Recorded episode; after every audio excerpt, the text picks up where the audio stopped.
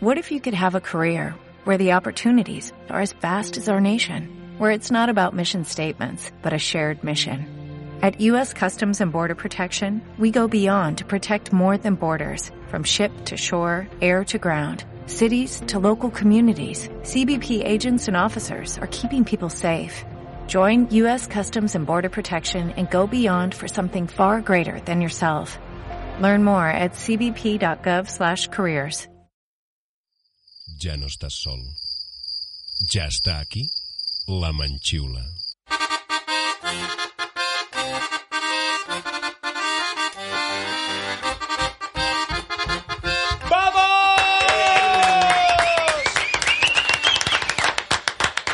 Hello!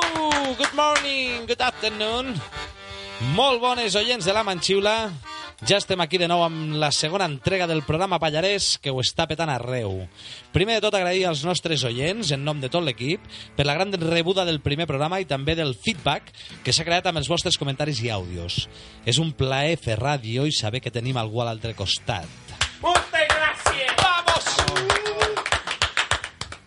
I fet l'agraïment, i abans d'engegar la màquina del cachondeo, fem les corresponents presentacions de l'equip que gana tots los partidos. Bravo. Amb el número 16, tothom el coneix com el línia de cal, sempre preparat per rematar de cabaixa, Xavi Badueño! Bones, madurs! Què mos portaràs avui, majo? Doncs mira, com se't queda el cos si te dic body weather o, o millor? O, o millor encara, body landscape. Eh? Tu, tu tranquil, que després t'ho explico. Hòstia, sona molt, molt, molt interessant. Pinta bé.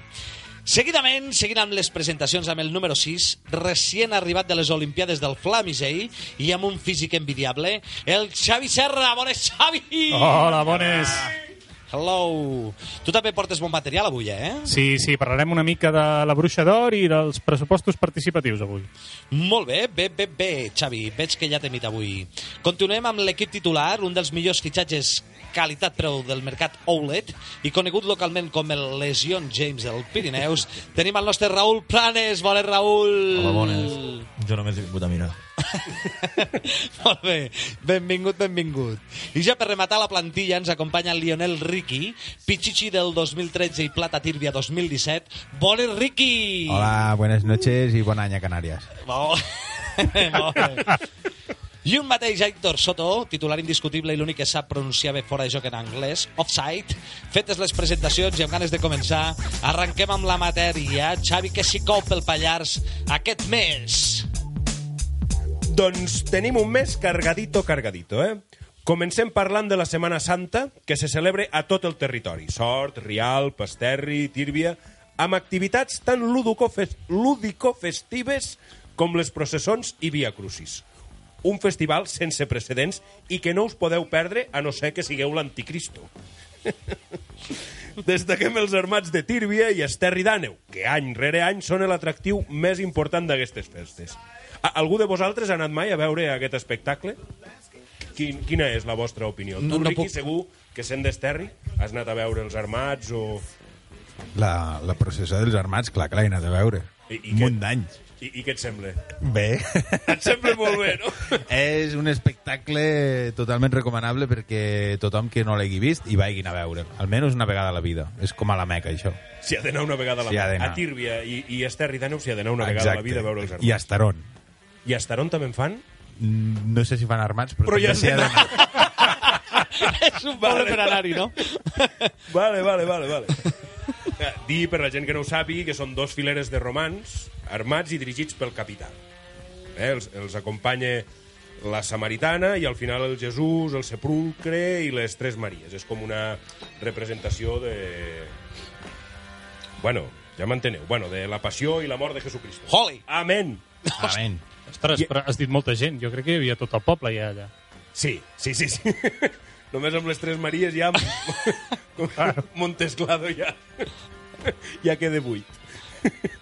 Però bueno, abans de la Setmana Santa, per això tenim la Fira Natura, que fan el Riuet de Sort el diumenge 7 d'abril, on faran activitats per xics i no tan xics, a més de firetes i mercats de segona mà. Segurament la gent se voldrà vendre el material d'esquí, que ja s'acaba la temporada, però d'això ja en parlarem després al safareig, ja que sí? Ben puntualitzat.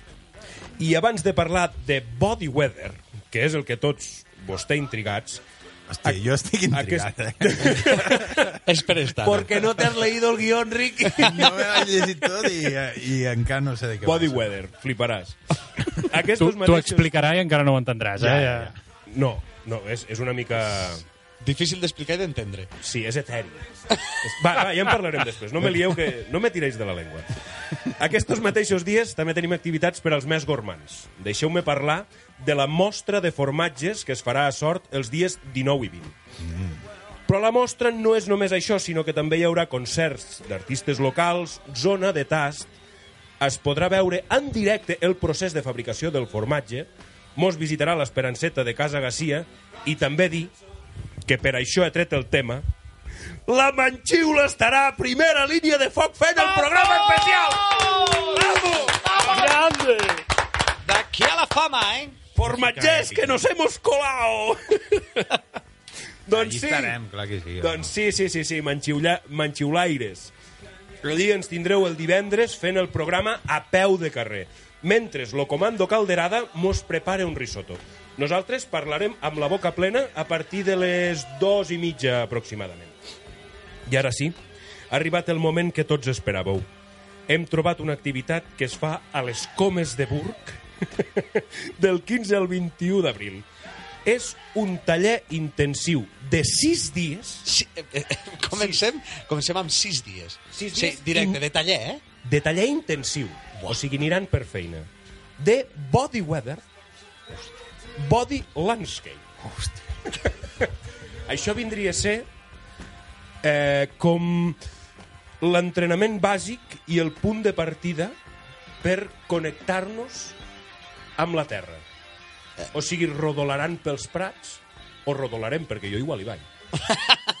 Faran passejades nocturnes, amb silenci, potser s'abracen amb, amb alguna alzina, es toquen, respiren mirant al cel, i això és un taller intensiu de sis dies, Hòstia, que ara... val, amb tots els respectes, val 300 euros, però si ets estudiant o estàs parat, 270, home! Home, xollo!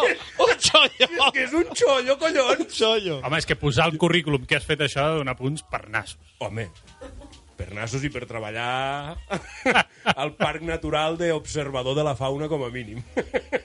De, de, de veritat, eh, pa, la gent pagarà per aquest taller, eh? Jo crec que sí. I uh, ara, fora conyes, uh -huh. crec que és una activitat d'aquestes que llegida, llegit l'anunci sona raro, però estic segur que si qualsevol de nosaltres hi anem, sortirem d'allí amb una gran experiència. Ara, fora conyes. Perquè Segur. totes aquestes coses eh, sensorials, del cos, el contacte no? amb la natura, sí, crec que s'està perdent. El compartiment d'energies amb la gent, no? Sí, tot. Tanto, tanto celular, tanto celular... Claro, no estem connectats amb la Terra. Jo a vegades vaig descalç pel carrer Major. per, per, Per, bueno, per notar el fred de la rajola. bueno, per no enrampar quan pujo el cotxe. Ara, ara m'heu fet pensar... No, no heu anat mai a la platja i heu jugat, quan éreu petits, allò d'enterrar-vos els uns als altres? eh, I a tu et van desenterrar, bé. Bueno, jo amb els meus germans, amb els meus germans jugava això, més connectat a la terra que, que això. És que No, t'enterra, no ens hi ha res, enterràvem. clar. Ja està. Sí, perquè el, eh, no és el mateix la, pla la platja que un prat. Ah, jo també vale, t'he de vale, dir que vale, he, de, vale. he de puntualitzar. Segurament no sigui el mateix enterrar-te a la platja que abraçar un arbre, eh? Vull dir, l'energia... All right. Oh, yeah. oh, ok, ok. Crec que, crec que és, és un abraçador d'arbres. Ara, la- sí, sí. M'ha convençut, m'ha convençut. Tu has abraçat de mai a un arbre, Raül, o no? No. Per, perquè no tens, no tens arbres, amics? De moment no. De moment no. Estoy en ello. I tu, David? Jo la veritat que cada dia n'hi abraço un d'arbre. Quan vaig a l'horta buscant perquè em faci peres, em faci pomes... Bueno, aquest que ha parlat ara eh, no l'hem presentat, és en David Escur, és en David de Roy, que avui està aquí amb nosaltres i li farem l'entrevista. David! Avui seràs l'entrevistat, eh? Molt bones a tots. Estàs Ja- nerviós o no? No, no estic pas nerviós. He sortit tant fent coses per la tele i per les ràdios que aquí amb la família em sento molt a gust amb vosaltres. fet, ho tens fet, això. Això per tu és no res. Sí o no? Hombre, és un pas. Home, sobretot, un- de, un sobretot de Jesús a València. per pujar a gravar. Gràcies, David. Ja saps que ens pots interrompre quan vulguis, eh? Vull dir que estàs a casa... Ets Sí, un... tens micro obert. Sí, sí. Moltes o sigui, a- gràcies. A, a part de l'entrevista, tu quan vegis algo dispara, eh? Foc allí. Vale? Foc. Tu hi aniràs? El body, body weather o body landscape? No, a mi no em fa falta anar. Tu ja te connectes prou, no? Estic prou connectat ja. I del 15 al 21 d'abril igual hi ha Champions, Sí, potser hi ja ha, Barça i tot. igual hi ha algo, no? Això són per gent de la ciutat que estan estressats. Que, Els, que els del Madrid, els del Madrid hi poden anar. Sí. Ells no tenen Champions.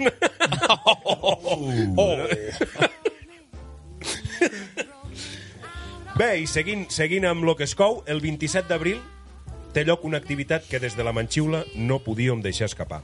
El Parc Nacional d'Aigües Tortes i Estany de Sant Maurici ens ofereix formació avançada per a rastrejadors i boy scouts. La- L'activitat la, l'anomenen, i d'aquí la conya, tècniques avançades de rastreig. què, què, què vol dir avançades? Vol dir que has de tindre un títol previ o alguna Bueno, jo, no- jo no sé si has de tenir un estudis previs, però el seu eslògan, i d'aquí tota la conya, és no veurem animals, però sí els seus rastres. Moltes gràcies.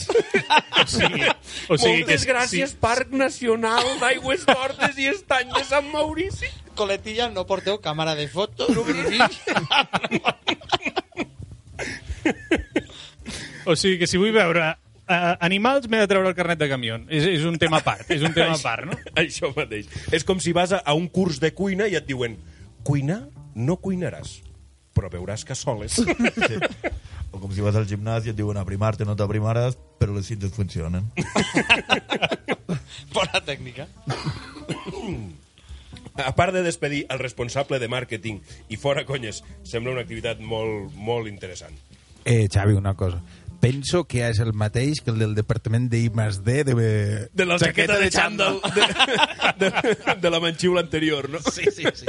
Jo crec que són del mateix departament. Aquest, aquest tio se- s'està fotent d'hora. Bé, i dit això, donem per acabat lo que es cou i donem pas a lo internet amb el Xavi Serra. Què mos portes, Xavi? Hola, bones. Abans de res, recordo a tothom que us podeu posar en contacte amb nosaltres a través de les xarxes socials o a través del WhatsApp de Tampanada Ràdio, al 691 28 33 23. 691 28 33 23. És un, és un troll. Està bé, no, vol queda bé. no vol que mos truqui Hòstia, ningú. és que em venia molt de gust fer-ho. Ara ho Pot- entenc potser- tot, ara ho entenc tot. Perdona, perdona. Bueno, com... Clar, clar, el Digues, telèfon, digues. no? Uh, no ho sé. No, gràcies a tu, no. Ai, Clar, clar, ara la gent dubtarà, dubtarà. No, és el 691 28 33 23. Començarem la secció explicant-vos que hi ha un col·lectiu que s'anomena La Flora del Terme de Sort, que els podeu trobar a Instagram per aquest nom. Es dediquen a l'estudi de les plantes, incloent-hi eh, els noms i els usos. S'ha posa, s'ha posat en contacte amb nosaltres en Nil Escolar, com a integrant d'aquest col·lectiu, per explicar-nos que han escoltat el nostre primer programa, moltes gràcies, i que els ha encantat. I punt, canvi de tema. Ah, ah, sí? Xavi, no, no diuen res més? Bueno, ara, ara que ho dius, també ens diuen que ens hem equivocat amb la planta que hem triat eh, per donar nom al programa. M'he equivocat. Co- Què, què? co- Clar, resu resulta, diuen, diuen que la manxiula i la vidaua no són el mateix. Eh, ens explica que en alguns indrets de parla catalana la vidaua sí que se'n diu manxiula, però tot i que totes dues pertanyen a la família de les ranunculàcies, aquelles les coneixem tots, eh, la manxiula fa entre 30 i 60 centímetres, amb unes flors grans d'un color verd pàl·lid molt boniques i que floreix durant tot l'hivern, cosa que no és molt habitual, sembla ser. Uh, les podeu trobar ara mateix uh, a, les roure- a les rouredes del Batlliu o a les Vernedes de Sort, fins a finals d'abril, més o menys. Diuen Nil que acostumen a fer un flaire no massa agradable, i suposo que això va lligat amb allò que explicàvem l'altre dia, uh, que hi ha qui, qui anomena manxiula a un tipus de pet. A veure si tindrà raó. Clar. Igual, sí. eh? Bueno, en canvi, les, vidauba, les vidaues són plantes lianoides que poden arribar a fer 20 metres i floreixen a l'estiu, amb unes flors blanques. És la que normalment sembla que, que us fumàveu tots vosaltres quan éreu petits. Sense tornar al debat de Vidagua, Vidalba, eh? I... Bueno, en Nil acaba, acaba l'àudio, que no, no, no l'hem penjat. Volem penjar els vostres àudios. No deixeu d'enviar-nos àudios al WhatsApp. Aquest en concret no l'hem penjat perquè no se sentia massa bé. Jo crec que l'ha gravat a dintre de la rentadora mentre centrifugava perquè s'escolta fatal.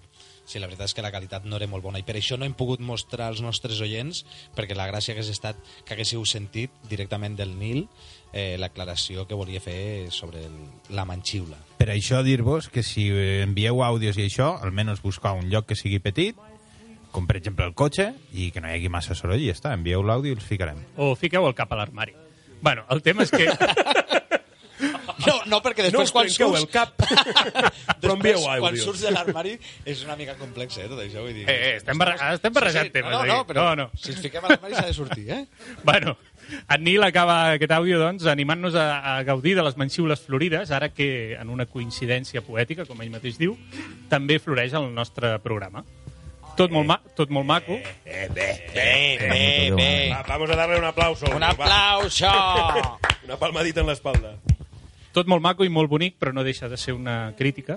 Aleshores, la primera pregunta arrel d'aquests comentaris que jo faig és quants anys has d'haver treballat de biòleg perquè ja se't consideri eminència i se t'hagi de fer cas. Home, Xavi, si el Nil ja és considerat el panoràmics del Pallars, Sí, sí. Ja, ja ho he vist, ja. A l'Instagram de la Flora del terme de Sort hi ha fotos de la serralada litoral i de la Pere Litoral. Grande! No, és broma, és broma. Nois, us agraïm moltíssim la, la vostra correcció i la de tothom qui tingui alguna cosa a dir-nos. I tant, aquesta és la idea, eh? Donar a conèixer el Pallars i el Pallarès i volem fer-ho bé, així que necessitem opinions, idees i sobretot correccions. Quan ens equivoquem, eh? Quan ens no, no. Ens equivo- ens equivocarem. Sí. Opiniones... t'equivocaràs tu, Xavi. Va, perdona. Dir, vale? Perdona, perdona. Sí, sí. Aquí resulta que al final el que, el que ha passat aquí és que vosaltres no sabíeu què fumàveu i ara la culpa serà, la culpa serà meva.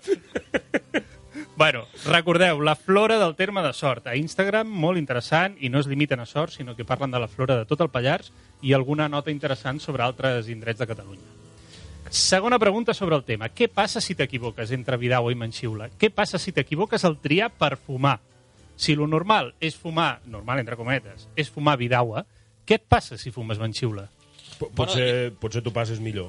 Potser sí, eh? Però també, si diuen que fa una mica de canti... Saps? Igual no és gaire agraït de fumar, eh? Si fa aquesta pudoreta que diuen. No ho sé, els hi haurem de preguntar als del Body Weather. Això, això. bueno, passem als resultats dels pressupostos joves participatius, edició 2019. Què, què, què, què ha passat? Què? Molt, molt interessant. Han guanyat, per començar, un cicle de tallers per la recuperació d'oficis artesans, per aprendre en el present les tècniques artesanes del passat, del passat, passat, del passat, Pesat ets tu, Sí, Xavi. sí. per garantir que en el futur no ho farem eh, tot amb impressores 3D. Un regreso al futur a la Pallaresa. Vaja. La idea és que la gent gran que coneix aquests oficis artesans els pugui transmetre. Si ets gran i saps fer alguna cosa xula... Que, que, bueno, si no ets gran també, eh? Perdó. Uh, si saps fer alguna cosa xula, aquell dia els de la residència d'avis es veu que et donen la condicional una estona. Una altra cosa que, és, que ha guanyat també és un taller de defensa personal per dones per combatre la, la violència masclista, així és com està titulat. Uh, un altre, un skatepark a Esterri d'Àneu i un altre skatepark a Sort. Són dues propostes independents i totes dues han guanyat. Poca cosa a dir. Fa temps que el jovent els demana i jo trobo que les instal·lacions, eh, que instal·lacions en condicions fan falta, perquè aquelles vigues i cantos que hi ha allà Sort, almenys, fan por. Fan por. Sí, a mi deixa'm afegir una cosa. Jo me'n recordo quan era petit, 13-14 anys, o sigui, ja fot dies, que nosaltres ja recollíem firmes perquè ens fessin un skatepark. Te ho juro, te ho juro. Sí o no? Ja hi havia l'afició. Eh, Raül? Havíem, havíem anat per sort recollint firmes perquè volíem un skatepark. Corroboro. Jo m'imaginaria que recollies firmes per trobar el motero. O per, legali o per legalitzar la manxiula. Lo del motero, els que no hagin escoltat el primer programa, com a mínim, Suscríbanse, los dejo el enlace aquí arriba. No, però... Bueno, seguim. Un curs de fotografia. De fet, la segona edició, ja que l'any passat es va fer la primera. Jo, personalment, hi vaig participar, m'ho vaig passar molt bé i la, la veritat és que vaig aprendre molt. Que no vol dir que faci bones fotos. Ja? Vam tocar diverses modalitats, fotografia nocturna, esportiva, retrat... Eh, faltaria la de cossos despullats. Ahí, ahí lo dejo jo. Una altra opció que ha guanyat és recu tin, tin, tin. recuperar el bus de la festa, que és un autobús que hi havia al municipi de Sort per portar la gent cap a les festes majors dels pobles del municipi i després tornar-los avall. Així, en lloc d'un munt de gent netejant vòmits dels seus cotxes, només hi haurà un pobre desgraciat netejant tot l'autobús. Correcte, correcte. Per estalviar energia claro, claro, i sí. portar-la tot al eh? Bueno, i la última guanyadora, un rocòdrom a Esterri d'Àneu, que es veu que aquesta gent, entre el Doctor Music Festival, que si es fa o no es fa, uh, i l'ampliació a Vaqueira, que si es fa o no es fa, estan que s'enfilen per les parets, almenys que tinguin on agafar-se, tu. Seguim amb el programa anterior. Parlem de la paraula esbarriar, que jo sincerament creia que us l'havíeu inventat sobre la marxa. No, no, la paraula esbarriar vol dir quan hi ha el bestiar tot esbarriat allà amb un tros a la muntanya. I què vol dir esbarriat? Estan totes... Estan com Disperses, juntes- Sí, no? Disperses, pot ser, disperses, no? millor dit, sí. Sí. Perfecte. Doncs mira, coincideix. Segons el Gran Diccionari de la Llengua, bàsicament vol dir que vol dir treure alguna cosa del seu lloc i deixar-la en un altre on és més difícil trobar-la. Uh, exemple de frase que ens posa el diccionari. No sé pas on són, algú ha remenat els calaixos i les ha esbarriades. I una altra opció és fer escampall de coses, que m'imagino que s'aproxima més a la que dèiem. Sí. Exemple, si tornes a esbarriar les escombraries, rebràs. Aquest es deu referir als que no fiquen les escombraries als cubells de porta a porta. Sí, que, que me tenéis contento. Deixeu d'esbarriar les escombraries. Lenye. Bueno, fins aquí estem d'acord. Coincidim eh, essencialment amb el significat que, que li atribuïem aquí d'una vaca que es despista i s'aparta del grup o, o d'un ramat que, que està una mica dispers. Uh, hi ha una usuària de Twitter, de Twitter, per això, que diu que esbarriar a Cantàbria vol dir limpiar el abono de les quadres. Ah, sí. Jo ho he estat mirant, això. Segons el Diccionari General de la Lengua Asturiana, esbarriar vol dir hollar las vacas un terreno blando y generalmente pendiente. Hollar. Val? H-O-L-L-A-R. Segons la Real Acadèmia Espanyola vol dir trepitjar fins a deixar petjada. I diu que ve de la paraula follar. Sempre troba unes coses, aquest tio, per internet. Te ho juro, nosaltres fotem un programa normal. I, Sèrio? i, i ell, eh, tu, jo crec que tu estàs a la deep web, aquesta. A la- web. a la dark web. Home, jo, jo, jo crec que si hollar, eh, que ve d'esbarriar o té relació amb esbarriar eh, i, i vol dir follar, després li haurem de preguntar a l'Oi què fa quan diu que, que se li ha esbarriat una vaca. Tu has hecho error, Roy. Quan se m'ha esbarriat un animal, pues mira, ja, ja tornant a casa. bueno, canvi de tema. Dubte que tinc jo, que no sóc nascut al Pallars, la bruixa d'or s'ha fet dir sempre així? O abans era una bruixa normal i amb els diners que ella guanya cada any, perquè ella els guanya pètic i pètic, s'ha fet posteriorment el vestit d'or de 10.000 quirats i s'ha canviat el nom. Abans, com es deia abans? Tenia un altre nom, eh? tenia un altre quan, nom. Quan era, quan era a la plaça Major. Trèvol. Sí. El, el, El Trèvol, no? no, l'Estel, pot ser? Es va canviar dos o tres vegades de nom. Eh? Veus? Però va dir... Jo, jo, Primer es deia, es deia el, no sé si era el trèvol primer. Jo, el primer l'estel i després el trèvol i però després la et sona bruixa. també, no?, el que dic Sí, de l'Estel, sí. que estava llavors davant de... Bueno, a la casa de l'estanc, diguéssim. Sí, la el mateix primera edifici de planta, el, l'estanc. el Sí. mateix Però, edifici. però eh, has dit que havia estat a la plaça Major, també? No, no, al carrer No, Major. al carrer Major. Ah, al carrer Major. Al costat de la carnisseria. Val, Això, val, Exacte, val, val, val. davant de... Bueno, no farem publicitat, eh? Recordem que qui es vulgui anunciar li podem fer un anunci maquíssim. Que pagui. Estic en directe amb tampanarradio.com. De moment només s'ha volgut anunciar Colacao. ah, no? No, hòstia, no. Ah, doncs no, no, no, no, no. Perdó, perdó, no. S'ha colat, s'ha Perdó, era Nesquik. ha sido un lapsus de marca. Bueno, no farem publicitat, el que dèiem, però sí, recuperant el tema de la bruixador i el nom que tenien abans, jo diria l'Estel em sonava a mi, eh, quan era xic. Doncs mira, doncs dec tenir raó. Devia ser la bruixa d'or a partir de que apareix l'or, a partir de que van guanyant calés. Sí, sí. Ah, perdó. Ja fa un temps que la Bruixa d'Or va, va anunciar que deixaria d'obrir els caps de setmana. És un dret laboral tan legítim com anar a esmorzar als cremalls. Però hi havia gent de la comarca, i especialment de sort, que tenien por que això pogués afectar el turisme.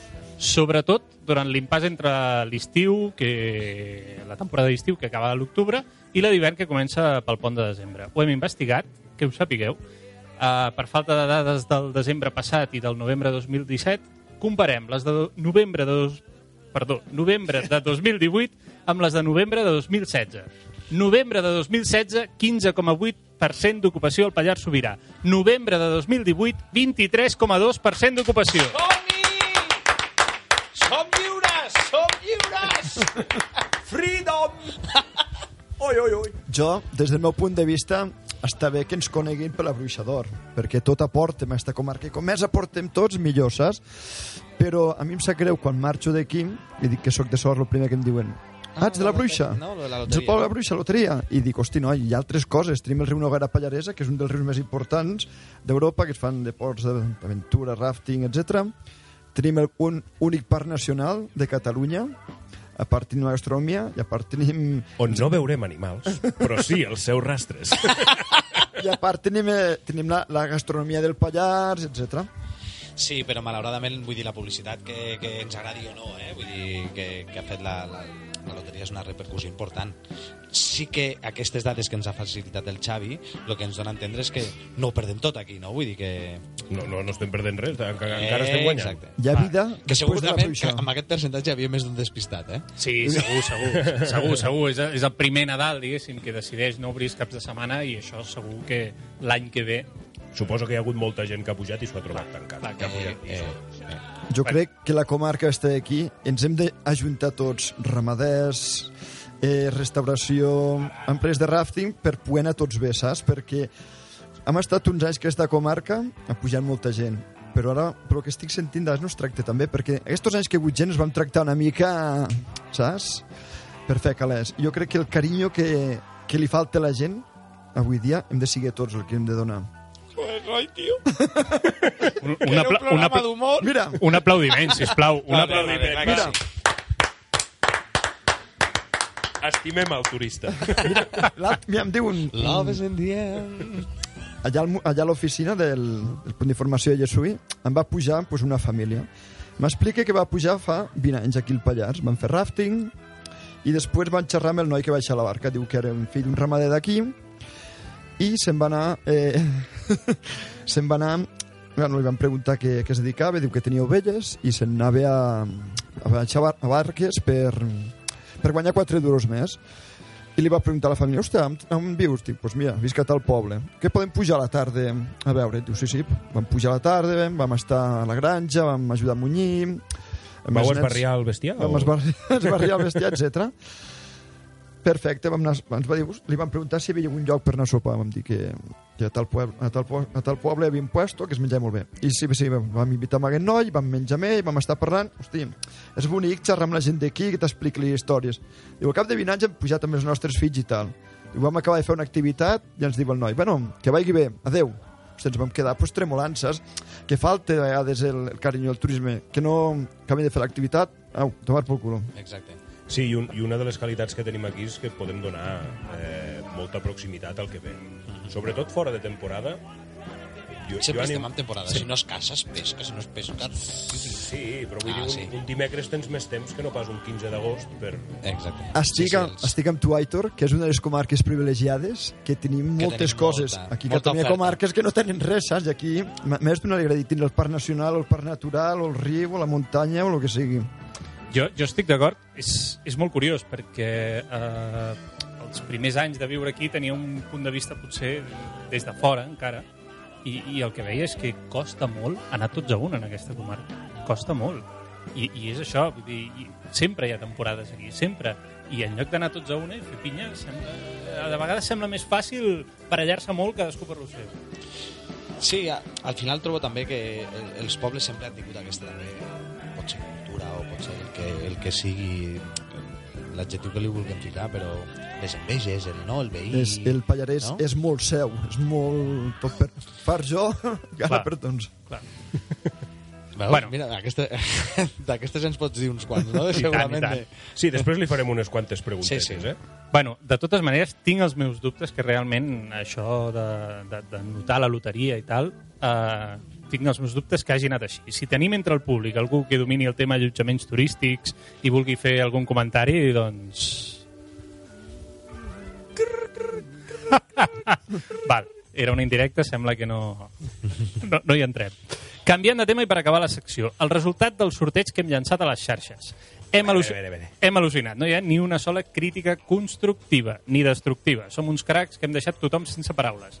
O això, o poseu m'agrada quan veieu les fotos però passeu de llegir. O heu fet play al reproductor del programa però l'heu silenciat i heu tornat a la vostra vida. Jo ho entenc. Ja vaig dir que era mala idea aquest programa. Vol explicar coses que passen al Pallars a la gent de tot arreu, però amb tant pallarès ningú entén res de res aquí. I els pallaresos ja saben què passa al Pallars, els està passant a ells, hòstia. Però el concurs l'hem fet igualment i hem decidit donar el premi, que consisteix en un agraïment personalitzat, així de generosos som, a dues persones. Moltes gràcies eh, a Petit K2, que deia que tenia ganes de sentir aquest segon programa de la Manxiula, i moltes gràcies a l'Alba Nsart, no és que pronunciï malament, és que... Eh, és, és, és, el, és el seu nom a Facebook. Mm, cert. Uh, diu que la fem riure molt i que, i que els companys de feina la miren amb cara rara quan està rient escoltant el programa. Uh, ens agrada fer-te riure, Alba, però esperem que no et facin fora de la feina per culpa nostra. Doncs pues vinga, eh, els hi fem un homenatge, jo els hi envio un petonarro, sobretot al Petit K2, perquè em sembla que sé qui és. Ah, sí? Sí, Molt bé. Petó personalitzat. petó personalitzat. Del tot. Però no la vull, no la vull cagar en, en, en públic, i, i quan dic que... Et, et, et Jo- guardes el nom per tu. Jo li envio un petó a l'Alba Mansart perquè crec que sé qui és. I em sembla que està a Dinamarca o per Sí, correcte, correcte. Ah, és ella, és ella. mèrit, És, és de València. És de València, però és que ens han escoltat des de Dinamarca. Ho heu no? Sentit, eh? final... Ho heu sentit, eh? Ens escolten des de Dinamarca. Vull dir, no sé I què de feu, no, no sé què feu, que no... Vinga, va, va, va, va, va, va. Bueno. Vamos! Tot seguit, donem pas a la paraula del senyor. La paraula del senyor. Pel primer programa vam explicar la paraula manxiula. Abans el, el nostre company, el Xavi, ja han fet uns, uns retocs. Que dona nom al magazine i com ja hem parlat, eh, tenim diversos punts al respecte. Avui parlarem de la paraula tampanada, nom de la ràdio més molona i actual dels Pirineus. Ja veieu que ens estem partint el cap buscant paraules. Sí. Se'ns moren 8 neurones cada vegada que preparem aquesta secció. Manxiula, tampanada... ¡No damos abasto! Us recordem que ens podeu enviar propostes de paraules, això sí, amb la seva corresponent explicació. Ponerlo facilito, eh? Va, doncs anem a lo que anem. La paraula té diferents usos i la podem utilitzar per fer una menció a una garrotada, un cop molt fort, vale? del verb tampanellar. També, avui en dia i segurament antigament, els pallaresos la fem servir per quan volem fotre una hòstia o quan algú ha tingut un accident o semblant, vale? el fotre una tampanada. I també els, primer, els més privilegiats la fan servir quan fan l'acte sexual, quan fan un casquet. Eh, xingar, fer un cacauet, follar, follar... Els pallaresos fot, fotem una tampanada o tampanem. Som així. La paraula apareix tant als llibres El parlar del Pallars, de Pep Coll, com a l'Aina. Així que sí és una paraula pallaresa, però no sabem del cert si és ex- exclusiva, ja que l'enciclopèdia catalana també la recull. I fins aquí la paraula del Senyor.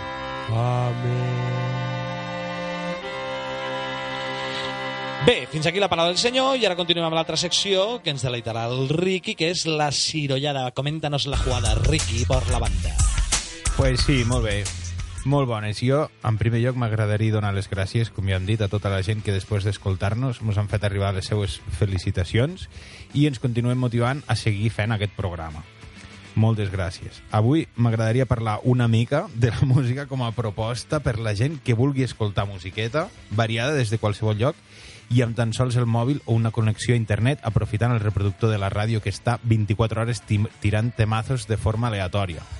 Això vol dir que a Tampanada Ràdio mos agrada la música, però creiem que les cançons més comercials ja tenen prou ressò a les altres ràdios i per això volem donar a conèixer la música de qualitat, o sigui, autèntics temazos. Temazo, tia! Temazo, tia. Que, que a una ràdio convencional no sona. No sonen. No sonen perquè són pesats. I la veritat és que... el mateix. 40 vegades la mateixa... És que és... 40 vegades la mateixa cançó, fiquis l'emissora que fiquis. Exacte, és el que t'anava a dir, perquè fiques... Podem dir? Mm, No, No. no. no. Cuando pienses en marcas, piensa Colacao. pues això, tots escoltem la ràdio convencional i estem una mica, no? O com a mi, ho hauríem d'estar. Jo és que m'he acostumat a escoltar la ràdio al curro i així i, Què escoltes? i entretene. Pues, últimament, una emissora que ho està petant. Diu, és per internet i tal. Molt bé. Tampanadaradio.com Sí que l'està petant, sí. M'ho han dit, m'ho han dit. Sí, sí, sí. A mi també.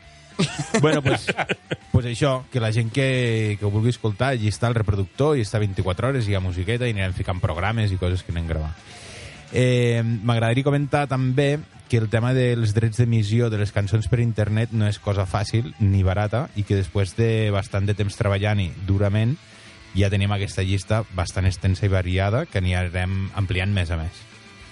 I també comentar que tenim, com hem dit abans, gent que ens escolta des de Dinamarca, hi ha gent que ens escolta des de Sèrbia, des dels Estats Units, des d'Alemanya, des d'Argentina, i actualment tenim més de 500 oients únics al reproductor online, que, és, Eh, que és a part de les reproduccions que tenim al Tots i podcast. cada un dels nostres oients són únics.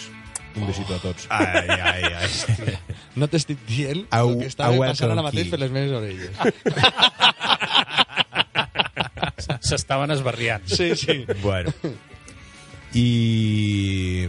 Això, perdó, eh? eh, Tinc una pregunta, però això d'oients únics eh, vol dir que són més o menys al, al dia, a l'hora... No, no... Els No, vol, oients vol, únics- vol dir que si un l'escolta i després la torna a escoltar no compta com a... Ah, vale, ok. Exacte. Vale. O sigui, són fidels? Podem dir que són oients fidels? No té per què. Bueno, ja veieu No que nosaltres som persones de ràdio, eh? Sí. Tenim... Am... Buah. Hem donat tants toms abans d'arribar amb aquesta. Hem descartat diverses ofertes. Sí, si voleu un altre dia en podem parlar de quines hores més ens escolten, quin... o de quins puestos, o quins dies, perquè També, clar. surt, surt gràfiques, com que ho tenim tot per internet, o sigui, no és com la ràdio convencional, que no tenen teres, si t'escolten, no t'escolten. Aquí, aquí està tot.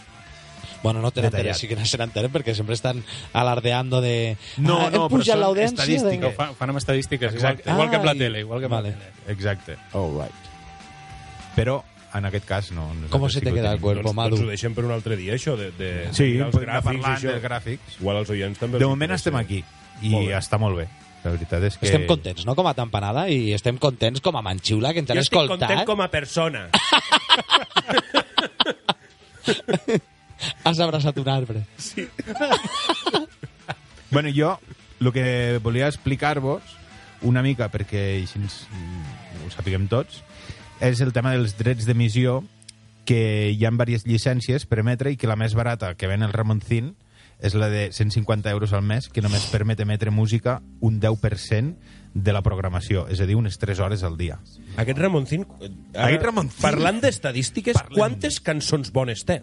Ja, Perquè aquest tio ha estirat del fil, però a, a extrems insospitats, eh? ja. La- L'haurem de trucar un dia. Però Sí, s'hi posarà segur, vamos.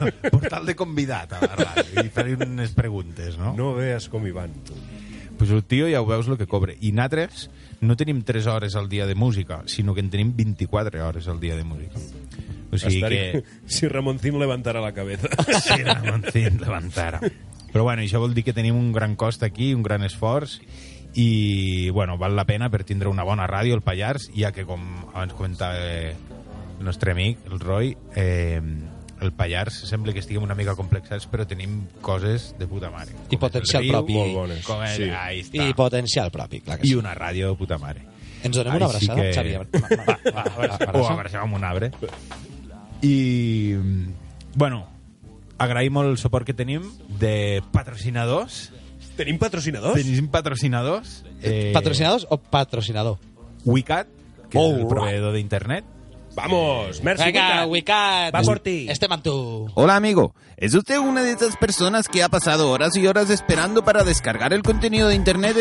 ¿Está cansado de su factura de teléfono? No espere más, contacte ahora con WeCat y le ofrecerán el mejor servicio. 973-090900 info arroba wicat.net Aneu a la web i si voleu internet tenen un servei de banda ampla que està molt bé. Sí, Ole. jo on treballo anem amb Wicat. Vull que ho sàpiga Wicat. Perfecte. Punt cat. Punt cat. I, I cada dia n'hi ha més. Hi ha un munt de gent que tenen Wicat perquè A pesar que deies de patrocinador, digo, coño, que lo... y Hombre, cada pues- día ya ves. Pues bueno, pues deixem Les de... birres, quien... Bueno, i a part d'això també volem donar les gràcies a Hotel Apartaments Trainera per ser l'allotjament on tenim el servidor de la ràdio i també ajudar-nos amb el projecte. Gràcies, gràcies, família trainera. Y para todo lo demás, ¡Ey, ey, ey, ey! Que estàs buscant un estudi de so? Que no saps on fer les teves gravacions? Que t'agradaria que féssim una composició musical pel teu establiment? Per tot el que necessitis relacionat amb so, pirinois.com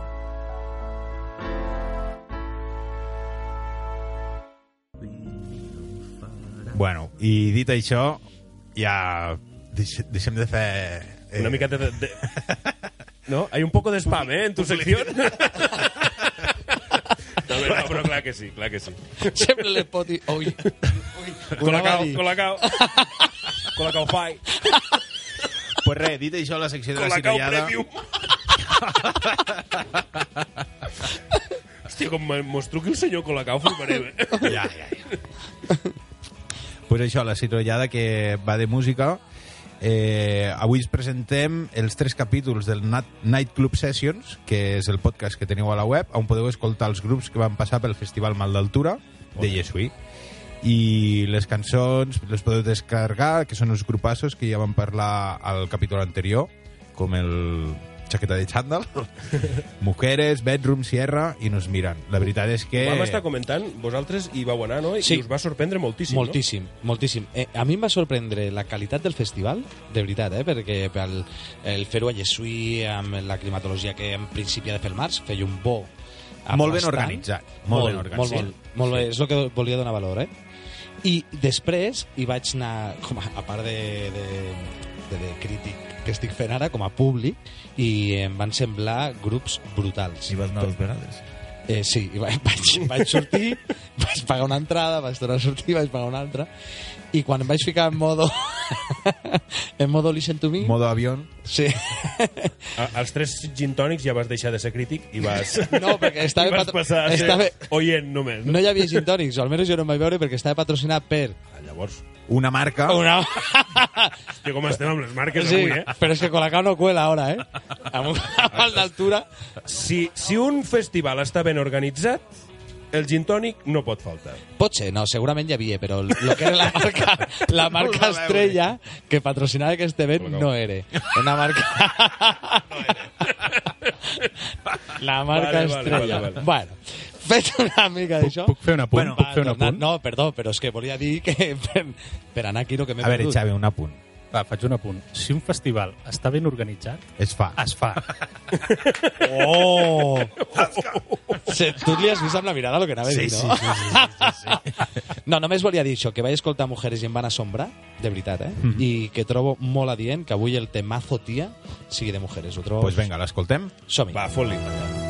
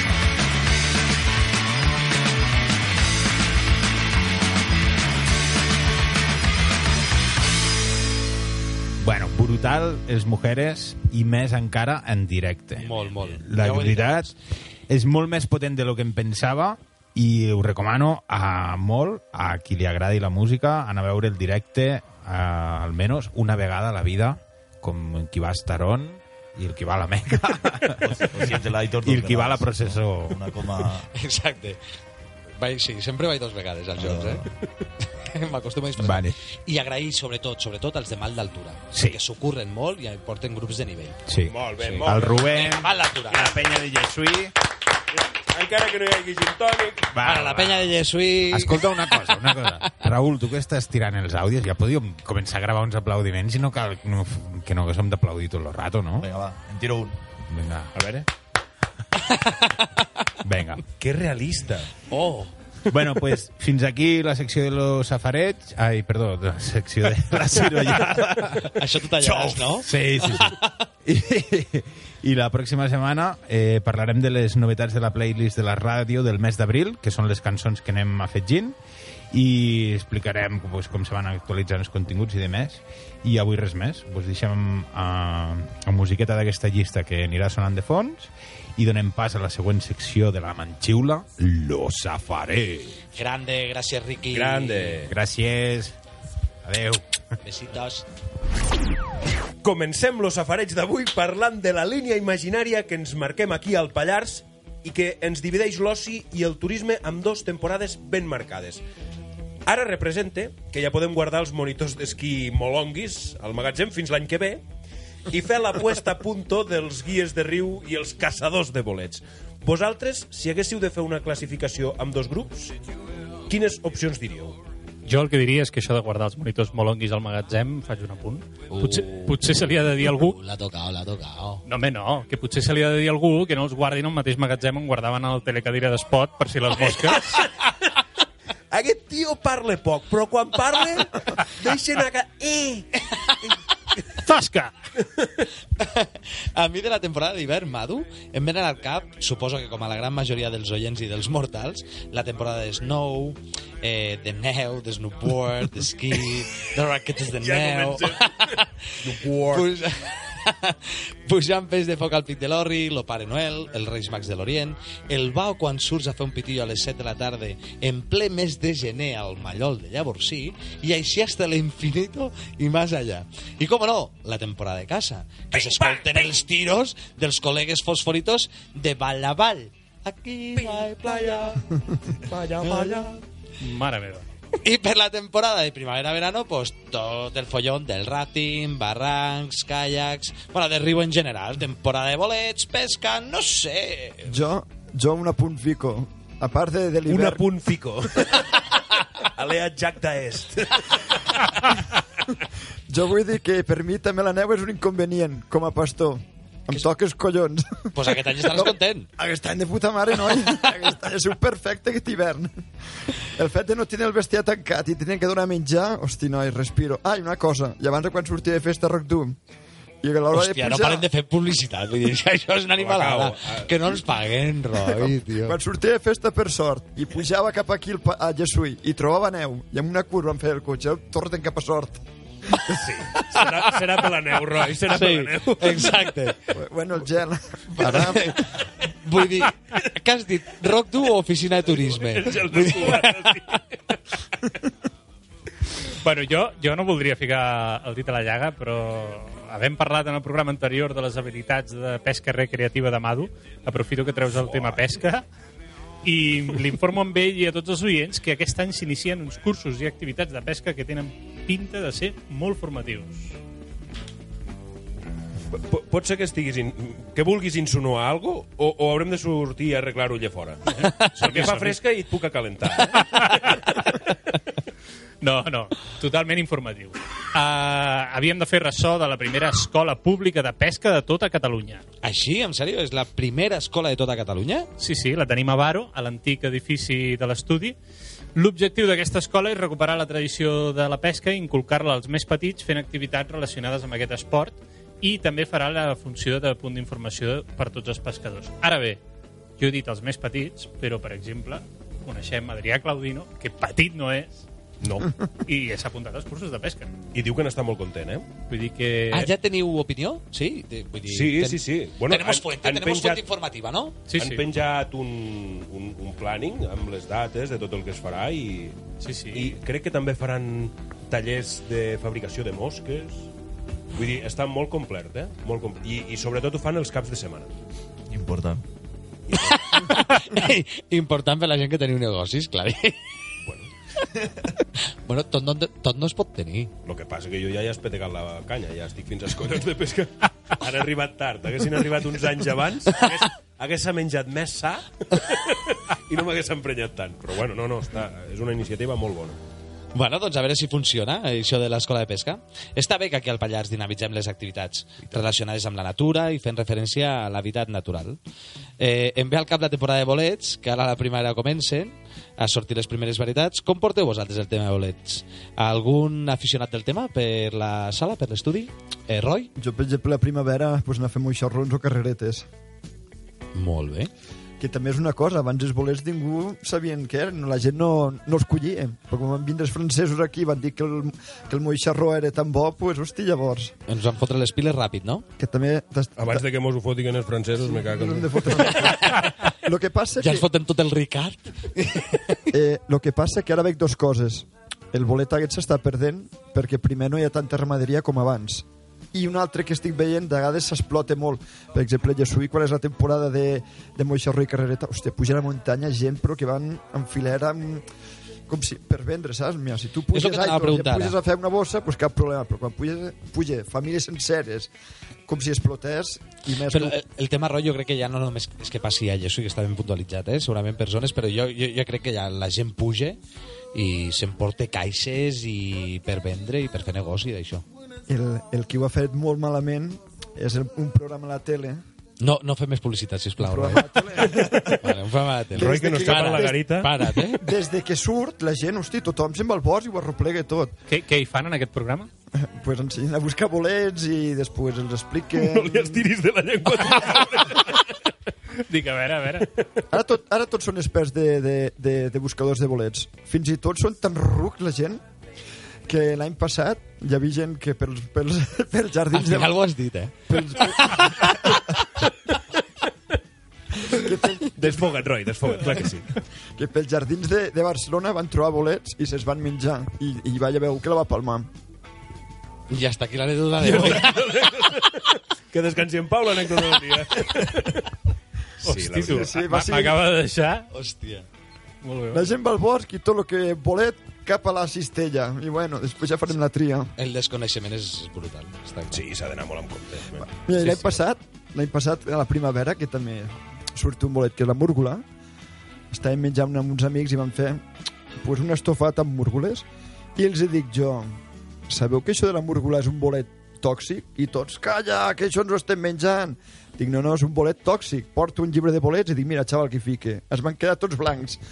Dic, però tranquils, que és un bolet que s'ha de bullir, o s'asseca i perd tota toxicitat. Però la gent moltes vegades ni sap ni el que menja. No, no, i tant. No, Hosti. moltes vegades és el que diu. Van al bosc i si creix algo, ho arropleguen. I després, quan arriben, pregunten. Sí. Però mm, jo crec que ja s'ha d'anar al bosc sapiguent a lo que vas. Jo no en tinc ni idea de, de bolets. De moment, Però Quan vaig, algun- agafo, agafo lo que sé. Lo que saps, clar. Igual m'estic deixant allí el, el, El millor. La crem de la crem, sí, sí. el bolet madre. Però, però si jo només sé que, que...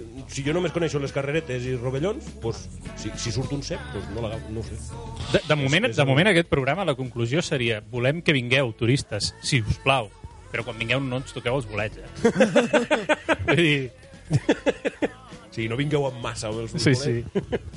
Bueno, i, I ja deixant de banda el tema dels bolets i centrant-nos un altre cop amb el riu.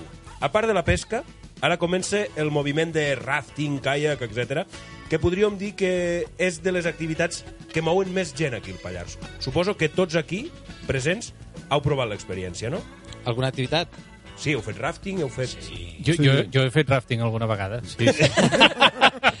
Ara... Ta, ta, ta, ta. Clar, hem de dir, oients, oients de la Manxiula i Tampanada Ràdio, que tenim aquí el, el Xavi, el nostre guia de riu expert, que ha tingut una petita lesió una vegada que el deixen jugar a bàsquet i es lesiona i, i mos va una mica coix. Si, si veu sentir el programa anterior, i si no, l'heu de sentir, em vaig queixar de, de que hi ha jugadors que no tenen prous minuts a l'equip de bàsquet del Pallars.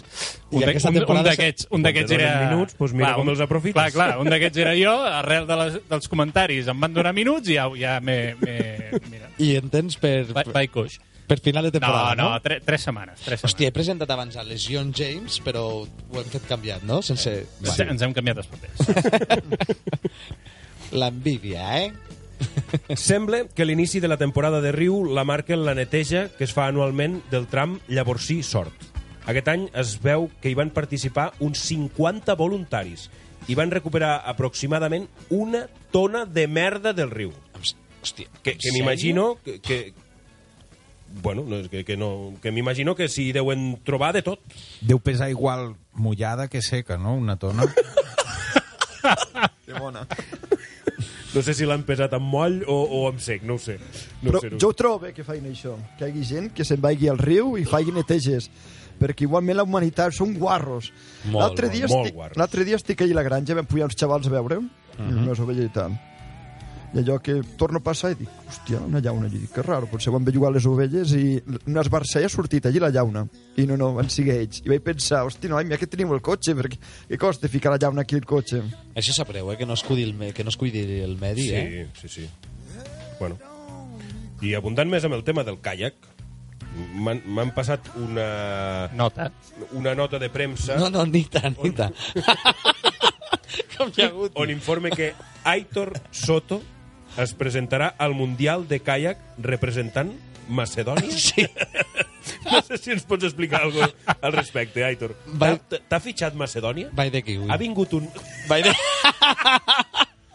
vai de kiwi, vai de kiwi. Vai de face, una mica. Vai de kiwi. Ha venido un macedonio i t'ha fitxat? Mm, no, no tinc el nivell, eh? Estar, va, me, est me estuvo tanteando. Me estuvo tanteando por eso. Però bueno, les hores també no eren gaire apropiades per tindre que qualsevol conversa amb un A mi, macedoni. a mi m'han dit que va ser ell mateix que va trucar a Macedònia i va dir, escolta, com que no teniu representant, jo hi vaig, m'ho pago jo. Hòstia, però és que això no s'ho creu ningú, Mira. perquè jo no sé ni on és de Macedònia. jo pensava... Quan Normalment està als postres. Clar, quan... quan dit pensava, dic, ara em trauran algo. Hosti, no ho sé. És molt bo perquè diu, això no s'ho creu ningú, jo no sé ni on està Macedònia. De caiac, com per competir al Mundial, sí que en sé. sí. jo, jo, no, el problema que tinc és de geografia. No, Vale, vale, vale. no clar, la tècnica la porto. La llevo, la llevo. Bueno, doncs ara sí, no? Ara, per finalitzar, com sempre, la nostra manxiula, ara entrevistarem el que ha anat aquí donant unes pollites i els seus comentaris com molt ha venido en gana. Entrevistarem al David, eh? Venga, un aplauso, Va, David, David! va, ara sí, eh? Ara sí que et deixarem parlar tota l'estona que vulguis. Hola, bones a tots. De nou, eh? De nou. Bé, doncs començarem l'entrevista eh, fent una pregunta que fem a tothom, que és de quina casa ets? Jo sóc de casa del Roy de Jessuí. Bé, bé, bé, bé. En... Però et puc ficar un incís? Oh, ja come... eh, eh, Bueno, l'entrevista n'ha de durar dos Això dies, de eh? cabre a internet, eh? Eh, a- al temps de Franco els Roys estaven perseguits i em va deixar una a cada poble, una a Jessull, una a Enviny, una a Montardit. Ah, ve d'allí? No. Ja ho sé que no. La, la següent pregunta també la vam fer al programa anterior. A veure què ens, què ens contestes tu. En casa del herrero, cuchillo de palo o cuchara de palo? Silenci, Riqui. No, tu pots pensar abans de respondre? Jo diria que no. Que no. No. Jo diria que Ni una ni l'altra. T'has de mullar, Roy. ¿Cuchillo o cuchara de palo? Com ho Que- dius tu? En O, o tu casa no, no Herrero? ho dius directament? Forquilla, com, com ho dius? No, cuchara o cuchillo. Forquilla. Forquilla no diu. En casa l'herrero, tu què dius? En casa l'herrero, Sí. cuchillo de palo o en casa l'herrero, cuchara de palo? Cuchara de palo. Cuchara. Cuchara de palo. Cuchara. Va, Molt bé. Escucha. El Ricky és l'únic que... no, que... no, no, no ho teniu ben entès, eh, això. Jo, jo, jo us ho dic. No podem estar cada programa Ja. fent un debat del cuchillo cuchara. Ah, Això doncs és una pregunta per Doncs- entrevistat. doncs no ho preguntem. Bé, i ara et demano que ens responguis amb total sinceritat. Veus dos litros d'aigua al dia? Hòstia. No ho sé, no els he comptat mai. No? Bueno. Veig bastanta aigua, però no, no et sabria dir si un litro, si dos litros o mig litro. Bueno, però, Però més, més aviat, molta o poca? Em veig molta aigua, jo, molta. aigua. perquè veus directe de la font o... Cap al pavant. Clar, eh, si em diu... Jo, jo sí que sé l'aigua que bec perquè m'acabo una botella. I Alguna la botella mati- és del litro i mig, pues, més o menys faig un càlcul. Alguna, No? alguna matinada pujant de festa major m'he fotut de cap a la font. I si, I si haguessis de valorar de l'1 al 10 com d'atractiu és el pentinat que porta avui el Madu, quin valor Un diries? 10, és atractiu, eh? Però... A que avi... Després ens esbarriem, Roy. Anirem a abraçar, arbres. bueno, ets famós. Eh, és evident que les dos performances amb més glamour que pot fer un famós són un anunci de, des, de Nespresso i participar a Granjero Busca Esposa. Tu, tu vas fer la segona. Després d'aquella experiència, qualsevol cosa et sembla poc? Sí, la veritat que sí, perquè lo de Granjero va ser una experiència molt forta. Ho va veure tot Espanya, per mi va ser una cosa que se'm va sortir de les mans, perquè Sí? és com una titella. Tu fas moltes coses, ells ho graven, ho retoquen, i llavors van sortint a la tele durant bastants dies. I ho ensenyen, vols dir que ho ensenyen una mica com ells volen? Com ells volen, sí, sí. Tu ets una marioneta, diguéssim. Estan molt amanyats aquests Just, programes? just. Vale. A mi se'm va escapar les mans, perquè pensava que seria més fàcil i quan vaig estar allí et comencen a, a provocar situacions, ofertes de fer coses que tu veus fàcil i quan veus quan surts a la tele dius, hòstia, vaya cagada vaig fer aquell dia. Eh, això ho veu tot Espanya. Mm -hmm.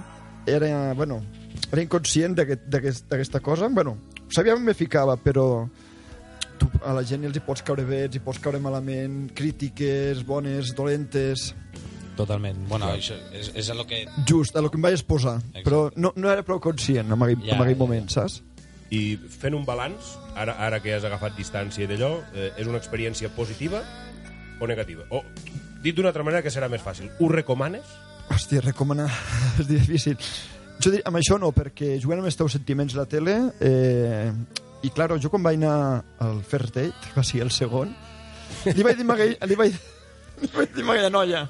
Que li vas dir que jo ja vinc d'un altre puesto que m'han tocat la moral. No, eh, quan... Jo vaig sortir de Granjero. Llavors jo tinc una amiga, que era la meva redactora a Granjero, i em va i està al Date, em vaig trucar, em va dir, eh, per què no vols vindre al sopar? I va dir, doncs pues vinga, anem. Quan va penjar, vaig dir, hòstia, l'he cagat. Claro, perquè... Només al penjar ja vas tindre aquella Sí, sensació? perquè vaig pensar, hosti, tornem un altre cop a fer, a fer la titella, saps? Ja. Perquè allí ho et poden fer quedar molt bé o et poden fer quedar com una merda, saps? És a dir, que ja t'estaves arrepentint abans d'hora. Sí, perquè ja sabia on me ficava i pensava, uf, aquí et poden fer quedar bé, et poden fer quedar malament. Jo, mm, en aquell temps del First Day, pues, contestes una sèrie de preguntes, et truque diferent gent del programa per mm, com faràs per anar cap a Madrid, etc etc. I una noia em diu, hòstia, eres muy simpático, muy guapo. Dic, no me lames el culo porque Ya lo he- sal- ya lo he vivido, cuando ¿no? saldré en la tele me podrás hacer quedar bien o mal. O sea, es bruto David. Diu, no, no, vosotros. I sí, més o menys em van fer que vaig quedar bé. La veritat que vaig quedar bé el programa. Però tornant al granjero... Sí? No, la, no. La, la pregunta del nostre tècnic de sonido és vas a esbarriar o no? No, no vaig, no vaig, Empanada! no em vaig ni esbarriar, ni tampanada, ni res. Lo que sí que et puc dir que quan vaig sortir granjero va pujar molta gent... Va pujar Si molta no gent... sabes torear, pa què te metes? També té raó. Quan vaig sortir granjero va pujar molta gent a Jesús perquè és increïble el que arriba a moure la tele. I em deia, hostia, David, si tu pueblo es más grande de lo que salía en la tele, si, si tú vives aquí en el pueblo, si parecía que vivías perdido en la muntanya, per, perquè veieu davant les teles com ens volen fer veure la gent dels pobles. Les dimensions no, que agafem a través La de la repercussió televisió. que té la imatge que fiquis tu amb aquella Just. caixa tonta. eh? Sí, sí. sí.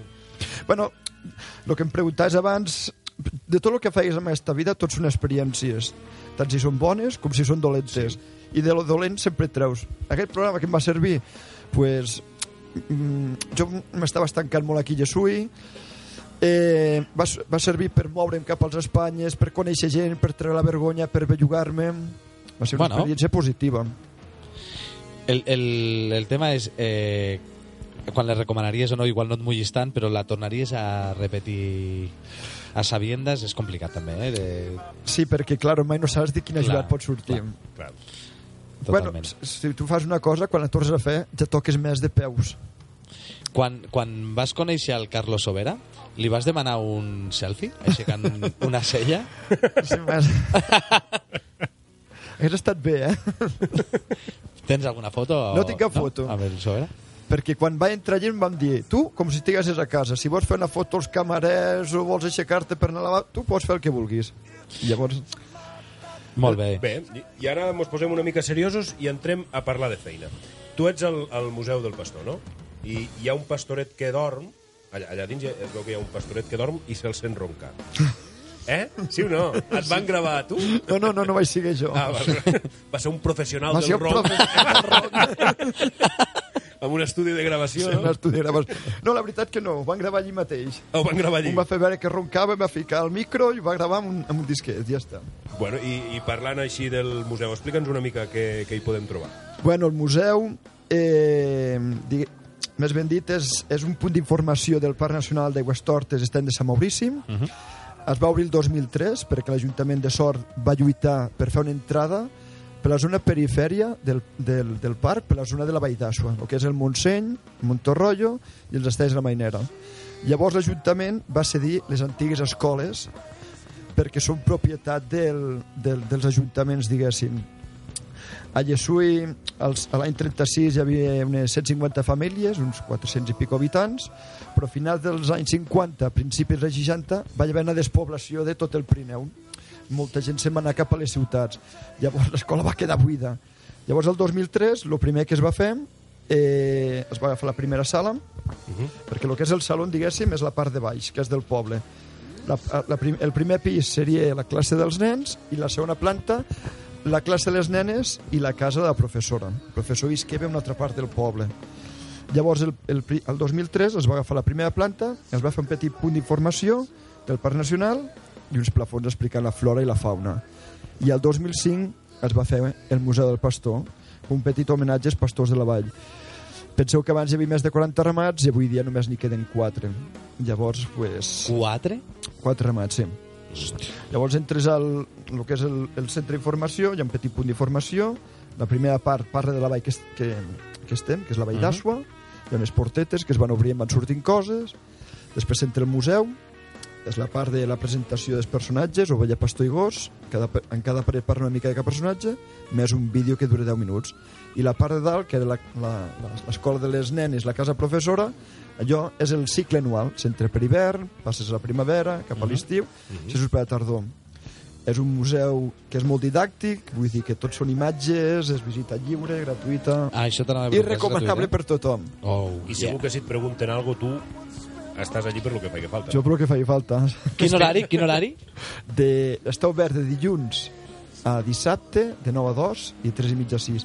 I els diumenges de 9 a 2. I sempre estàs tu, eh, allí? Estic jo, bueno, tinc dos dies de festa i després tinc un, hi ha, una, hi ha una, la meva tècnica. Molt bé. Hòstia, la meva tècnica, eh? La teva tècnica. No, Eh. no, la teva tècnica és impecable, ja ho he dit. I a part de, a part de- d'haver-hi d'haver museu, el que fem nosaltres són activitats amb l'entorn. I, I et volíem preguntar, perquè el programa anterior en vam parlar, eh, sobre l'activitat d'Aviem el Bestiar, que es feia a Llesui, va tenir èxit, va pujar gent, va morir algun animal, no sé. És, és, té, té força èxit, eh, està preparat per famílies. I va tenir, va Sí tenir puja èxit? molta gent, sí.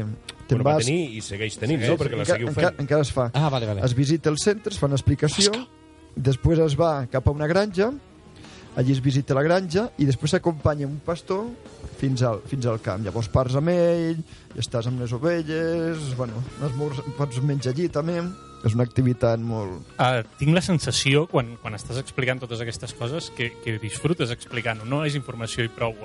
T'agrada, t'agrada el que estàs explicant. Sí, m'agrada molt i a part eh, des, de fa, des de petit que ajudo a casa meva. És una feina que, que des de sempre l'he viscut, saps? Llavors, quan tu treballes a, una, a un museu de pastors i que dedica, de, de veritat ja t'hi dediques, pues és molt més fàcil explicar i difondre i, amb la gent. Molt bé. Molt bé. I Com, com veus la salut dels pastors al Pallars? Mm, eh, amb l'aspecte si n'hi ha més, n'hi ha menys, algo has comentat abans, gent jove, gent massa adulta, com, com veus tu? Jo crec que aquí al Pallars hi ha molta gent adulta i poc jovent. Claro, eh, quan veig que és un ofici, que és dur, és un ofici que, que, que, que bueno, com el sector primari no, no, té, no se valora avui dia, saps? Uh -huh. Llavors, qui s'hi vol dir que amb aquest ofici? Sí, Quan no? tothom Perquè- volem tindre els nostres dies de festa, els nostres horaris, els nostres sous mensuals... Sí que més que un ofici podríem dir que és un estil de vida. No? Just, un, jo diria que sí, això t'hi has d'haver nascut. Sí. Des del meu punt de vista, eh, cadascú pot dir el que vulgui. Uh -huh. I, I després, com a, com a última pregunta, David, al, algun crit xant que utilitzis per cridar els gossos o al bestiar? Ens el podries... Jo, per exemple, quan creu les ovelles, sempre dic... Sigui, si pugem allà, si escoltem un...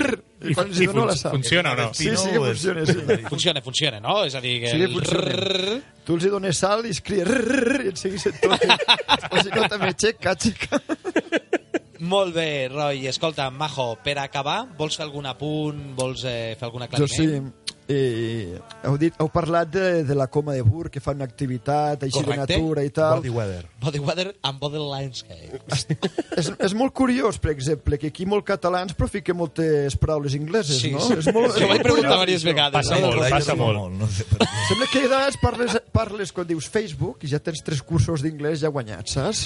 Home, ja has, ja has vist com M'estàs pronuncia fotent una canya involuntària. Vol, vol fer algun poema? Llavors-. Llavors jo, Snowboard. és que no pugueu pagar aquests 300 euros el preu d'estudiar en 270, que també està bé. Que tu pues jo acceptes. us invito a la meva granja gratis. Freedom. Traurem fem, anem a l'hort, arrencam a les herbes... Podreu abraçar ovelles, eh? Que donen molta energia I molta calor. i molta calor. Ja, a ja, ja ho veureu si sentiu la natura o no. O Ja. a l'estiu podem anar al camp a rasclar, ajudar-me a fer l'herba. Més, més, de, més d'això amb la natura impossible. Mira si tens feines a fer, eh? Tinc feines a fer. Molt bé, doncs... Totes digues, aquestes feines que m'ajudeu me podré escaquear jo. Ah, que tu no hi aniràs. No, ja n'hi ha mon pare.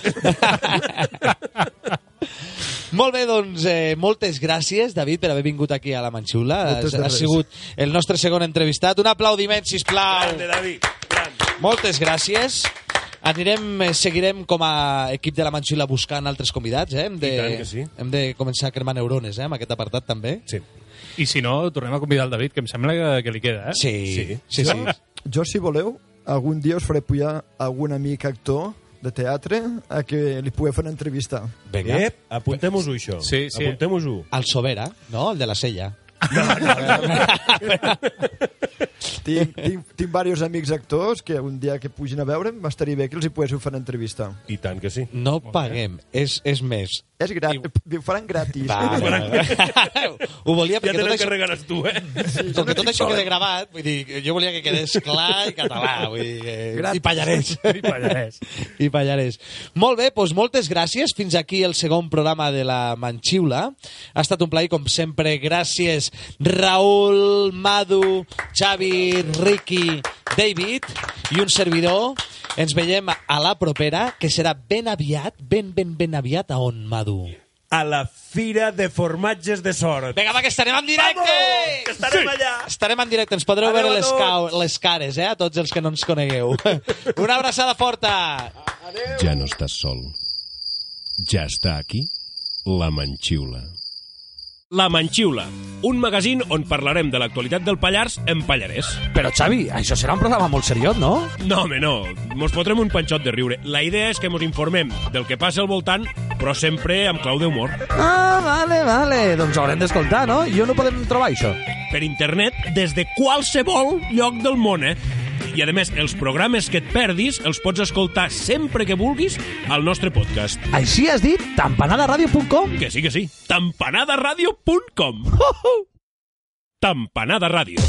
Directe al Costellam. Ai!